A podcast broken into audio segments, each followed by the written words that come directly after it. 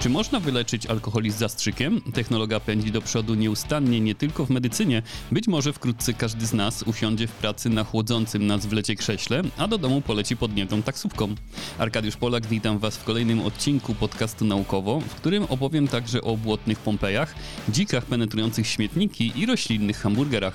Zanim zaczniemy, chciałbym Wam bardzo podziękować za to, że słuchacie podcastu Naukowo. W tym tygodniu przekroczona została bowiem magiczna liczba. Tysiąc słuchaczy odtworzyło tę audycję audycję na wszystkich dostępnych platformach. Bardzo dziękuję, cieszę się niezmiernie, że jesteście ze mną i tradycyjnie proszę o udostępnienie tego odcinka, a także lajkowanie go gdzie tylko można. Zapraszam Was także do komentowania odcinków w podcastowych social mediach i na naszym naukowym serwerze Discord. Linki znajdziecie w opisie odcinka. A teraz zaczynamy! Genetyka to nieprawdopodobna dziedzina nauki. Rozwija się w niesamowitym tempie, a jedną z metod edycji genów jest edycja epigenetyczna, która z grubsza polega na tym, że nie usuwa się części DNA, ale próbuje się je bardzo precyzyjnie zmodyfikować. Przez całe nasze życie w DNA zachodzą zmiany chemiczne, które spowodowane są nie tylko naszym trybem życia, dietą czy używkami, ale również czynnikami wynikającymi ze środowiska, w jakim żyjemy, toksynami lub promieniowaniem ultrafioletowym. To dlatego u jednego z bliźniąt jednojajowych, które mają taki sam kod DNA, może wystąpić choroba taka jak nowotwór, a u drugiego nie. W ramach badania NASA Twin Study udokumentowano na przykład bliźniaków Marka i Scotta Kelly. Scott spędził rok na pokładzie między Międzynarodowej Stacji Kosmicznej, a Mark ten sam czas spędził na Ziemi. Wyniki badania udokumentowały, że komórki Scotta wykazują unikalne zmiany w mikroRNA, co powoduje, że może być on w przyszłości podatny na choroby neurodegeneracyjne, nowotwory lub choroby układu krążenia. Takim zagadnieniem zajmuje się epigenetyka, która stara się analizować wpływ różnych czynników oddziałujących na nas przez całe życie. A edycja epigenetyczna polega na zwiększaniu lub zmniejszaniu ekspresji poszczególnych genów. Są one niejako instrukcją dla tworzenia ważnych białek, a poprzez ekspresję można włączać lub wyłączać poszczególny gen w celu produkcji białek. W nowym badaniu przyjrzano się możliwościom przeciwdziałania sposobowi, w jaki spożywanie alkoholu we wczesnych latach życia modyfikuje modyfikuje działanie genów. Naukowcy odkryli, że nadmierne picie alkoholu w okresie dojrzewania zmienia chemię mózgu w ciele migdałowatym, małej części mózgu, która kontroluje reakcję strachu i przyjemności. Spożywanie alkoholu w czasie, gdy człowiek dorasta, wydaje się zmniejszać ekspresję genu o nazwie ARK, który odpowiada za regulację zdolności mózgu do przystosowania się na podstawie doświadczeń. Kiedy ekspresja genu ARK jest obniżona, powoduje to predyspozycję do lęku i zaburzeń związanych z używaniem alkoholu w wieku dorosłym. Naukowcy zadali sobie zatem pytanie, czy poprzez zmodyfikowanie ekspresji genu ARK można odwrócić ten proces. Eksperyment przeprowadzono na szczurach, które narażono na działanie alkoholu w wieku, który odpowiada okresowi między 10 a 18 rokiem życia u ludzi. Tak wczesna ekspozycja na alkohol oznaczała, że ekspresja genu ARK została obniżona u dorosłych zwierząt. Następnie spowodowano, że ekspresja genu ARK została zwiększona, co spowodowało niejako reset mózgu, na skutek czego dorosłe gryzonie spożywały mniej alkoholu i były mniej niespokojne, ignorując wpływ alkoholu z czasów dorastania. Badanie to sugeruje, że pamięć molekularna może zostać zmieniona, a nawet wymazana. Mogłoby to pomóc stworzyć terapię dla osób uzależnionych od alkoholu i innych narkotyków, które kilkukrotnie powracały do leczenia i nie mają już innych opcji terapeutycznych. Choć edycja epigenetyczna może nie być antidotum na upijanie się, to badanie dowodzi, iż możliwe jest przeformułowanie doświadczeń naszych genów w celu odwrócenia niektórych szkód wynikających z wczesnego nadużywania narkotyków ale leczenie alkoholików za pomocą zastrzyku takiego edytora epigenetycznego to bardzo, bardzo odległa przyszłość. Problemów do rozwiązania jest mnóstwo. Przede wszystkim zmiany w ekspresji genów mogą być wiele nieznanych jeszcze skutków ubocznych. Gen ARK reguluje plastyczność mózgu i ma wpływ na różne zachowania wykraczające poza uzależnienie od alkoholu. Poza tym zachowania związane z używaniem alkoholu są regulowane przez wiele genów, nie tylko gen ARK, a regulacja ekspresji dziesiątek lub nawet setek innych genów podnosi ryzyko nieprzewidzianych skutków ubocznych takich terapii. Nie wiadomo również, czy taka zmiana będzie stała. Niektóre zmiany epigenetyczne mogą być przekazywane następnym pokoleniom, ale inne są krótkotrwałe. Poza tym organizmy szczurów, na których się eksperymentuje, są dalekie od ludzkich organizmów, a przyszłe doświadczenia muszą być zatem przeprowadzone na zwierzętach, które bardziej przypominają ludzi. Optymizmem napawa fakt, że ta dziedzina nauki szybko się rozwija. Już dziś istnieją firmy, które dążą do komercjalizacji takich technologii, na przykład przy badaniach nad przewlekłym bólem poprzez obniżenie ekspresji genu SCN9A. Usunięcie tego genu nie jest dobrym pomysłem, wszak ból jest dla nas korzystny i informuje nas o tym, że w organizmie dzieje się coś nieprawidłowego. Mutacja w genie SCN9A i wyłączenie jego funkcji powoduje analgezję, czyli chorobę, w której bólu nie odczuwa się w ogóle. Wyobraźcie sobie, że łamiecie rękę, ale nie odczuwacie żadnego bólu. Może to doprowadzić do potężnych konsekwencji takich urazów, ze śmiercią włącznie. Jedna z firm przeprowadziła eksperymentalne terapie na myszach. Modyfikacje epigenetyczne zdawały się tłumić przewlekły ból na kilka miesięcy, nie wyłączając go całkowicie. Podsumowując, metoda ta w przyszłości może być rewolucyjnym sposobem do leczenia wielu różnych schorzeń, w tym raka i całego wachlarza chorób genetycznych. Na przestrzeni lat ludzi zabijały nie tylko choroby, ale także wydarzenia związane ze środowiskiem, które ich otaczało. W odcinku 22 opowiadałem o Pompejach i ludziach, którzy stracili życie na skutek wybuchu Wezuwiusza. Podobne kataklizmy miały miejsce w wielu częściach świata, także w Stanach Zjednoczonych, a jedno z takich znalezisk naukowcy okrzyknęli zachodnimi Pompejami. Przenieśmy się zatem do stanu Waszyngton, który znajduje się w północno-zachodniej części Stanów Zjednoczonych przy granicy z Kanadą. W 1970 roku gwałtowny sztorm na Pacyfiku odsłonił część opuszczonej przybrzeżnej wioski plemienia Makach.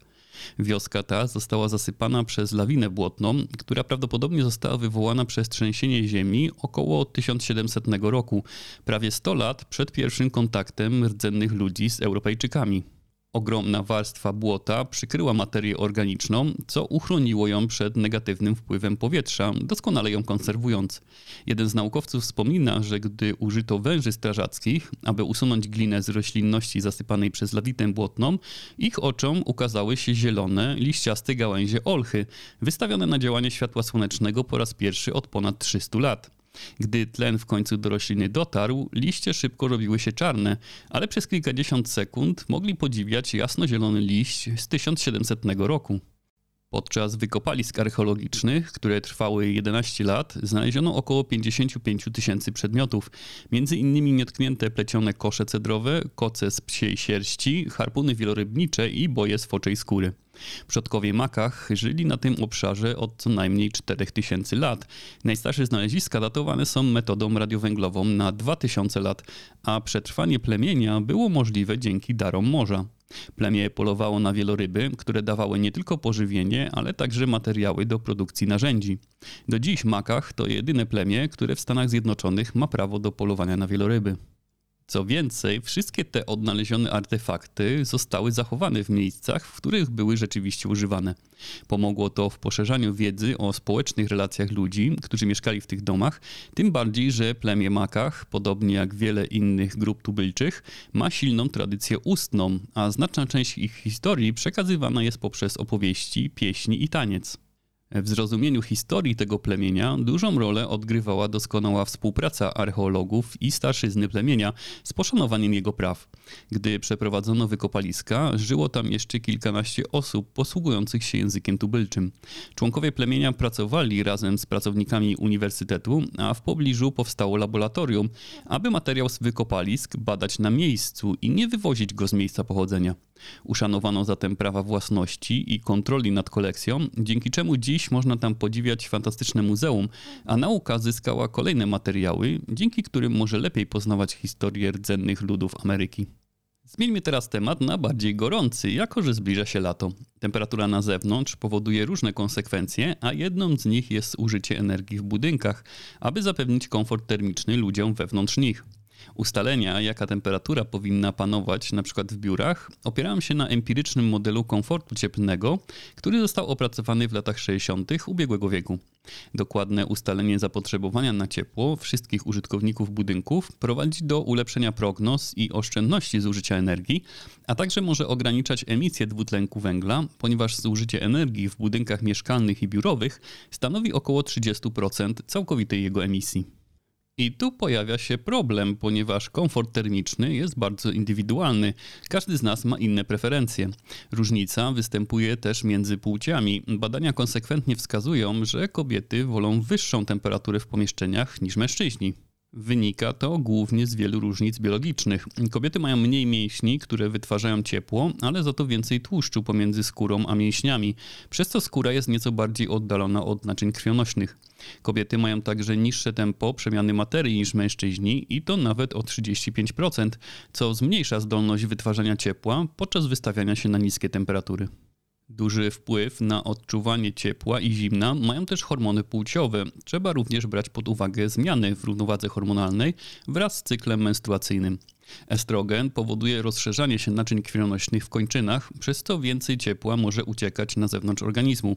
Progesteron działa odwrotnie, zwęża naczynia krwionośne w skórze, co powoduje zmniejszony dopływ krwi, ponieważ ta jest w pierwszej kolejności kierowana do ogrzewania narządów wewnętrznych. To powoduje, że kobiety szybciej odczuwają chłód, dłonie, stopy i uszy kobiet są o około 3 stopnie Celsjusza chłodniejsze niż u mężczyzn, choć równocześnie mają wyższą średnią temperaturę ciała niż mężczyźni.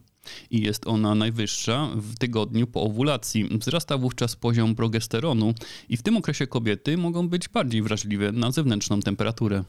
Różnice w odczuwaniu temperatur wykazano także u zwierząt. Samce zwykle gromadzą się w chłodniejszych miejscach, a samice i ich potomstwo pozostają w cieplejszych, bardziej nasłonecznionych rejonach.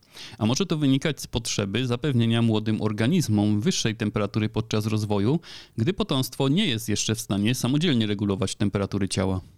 Takie różnice można eliminować nie tylko za pomocą oddzielnej kołdry, kiedy śpimy z drugą osobą, aby każda miała własne, dostosowane pod swoje preferencje przykrycie. Także w biurach można regulować komfort termiczny za pomocą systemów komfortu osobistego, które zapewniają poszczególnym użytkownikom lokalne ogrzewanie i chłodzenie w celu zaspokojenia ich potrzeb w zakresie komfortu bez wpływu na inne osoby znajdujące się w tym samym pomieszczeniu. Nauka stara się analizować ten temat, na przykład przy użyciu inteligentnych krzeseł, które nie tylko posiadają czujniki zbierające dane termiczne, ale też mogą chłodzić lub ogrzewać tego, kto na nich usiądzie. W 2016 roku w Kalifornii przeprowadzono badanie z użyciem takich mebli i analiza danych wykazała, że lokalne temperatury odczuwane przez poszczególnych użytkowników różnią się dość znacznie w różnych częściach budynku, nawet w obrębie tej samej strefy termicznej.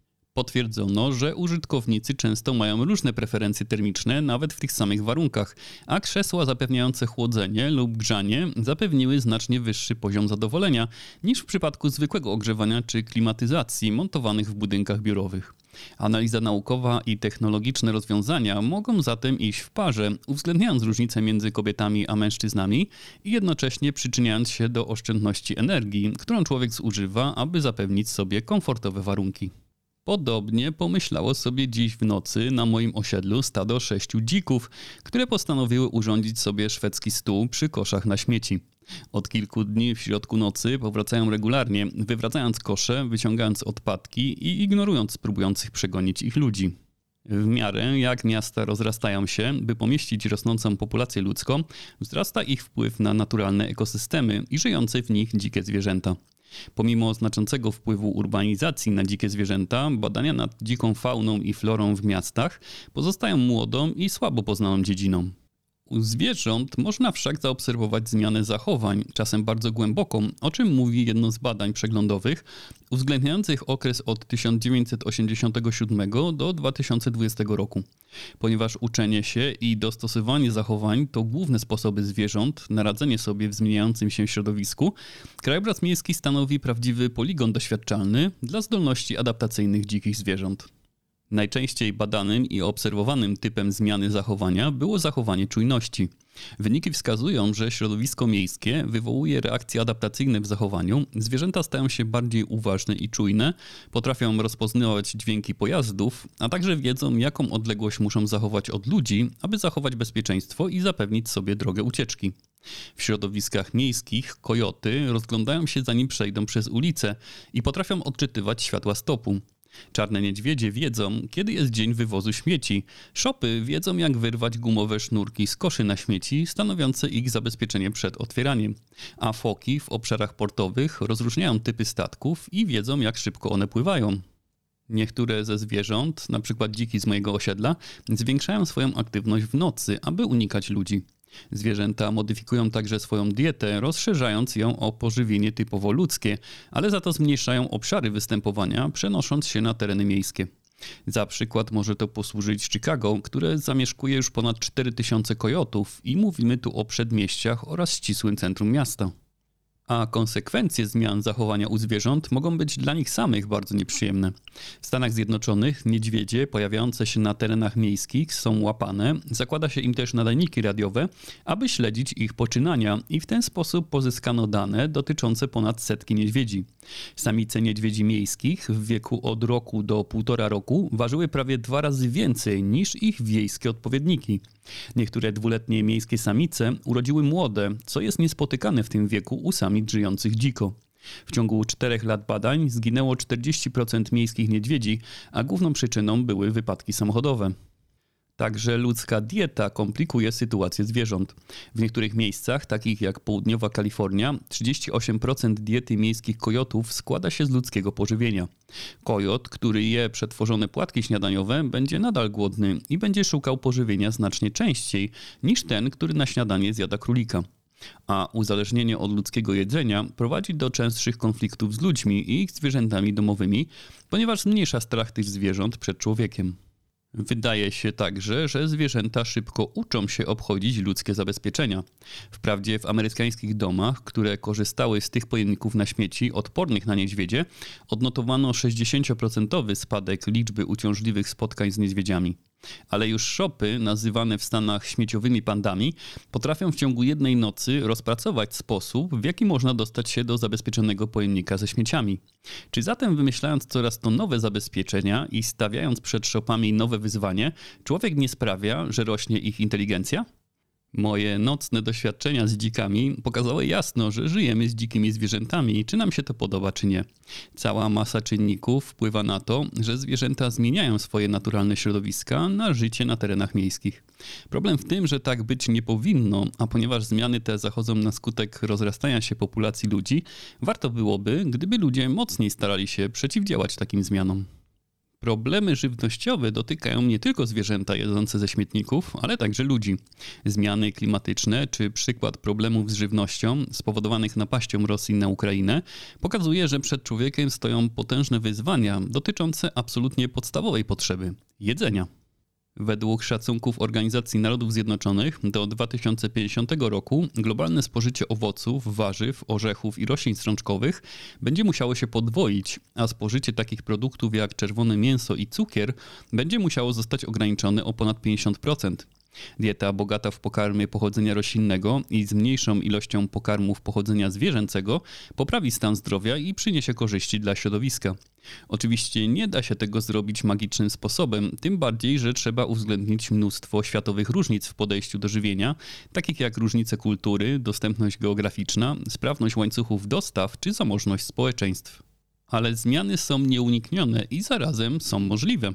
Prawie połowa naszego dziennego spożycia kalorii pochodzi z trzech źródeł żywności. Są nimi ryż, kukurydza i pszenica.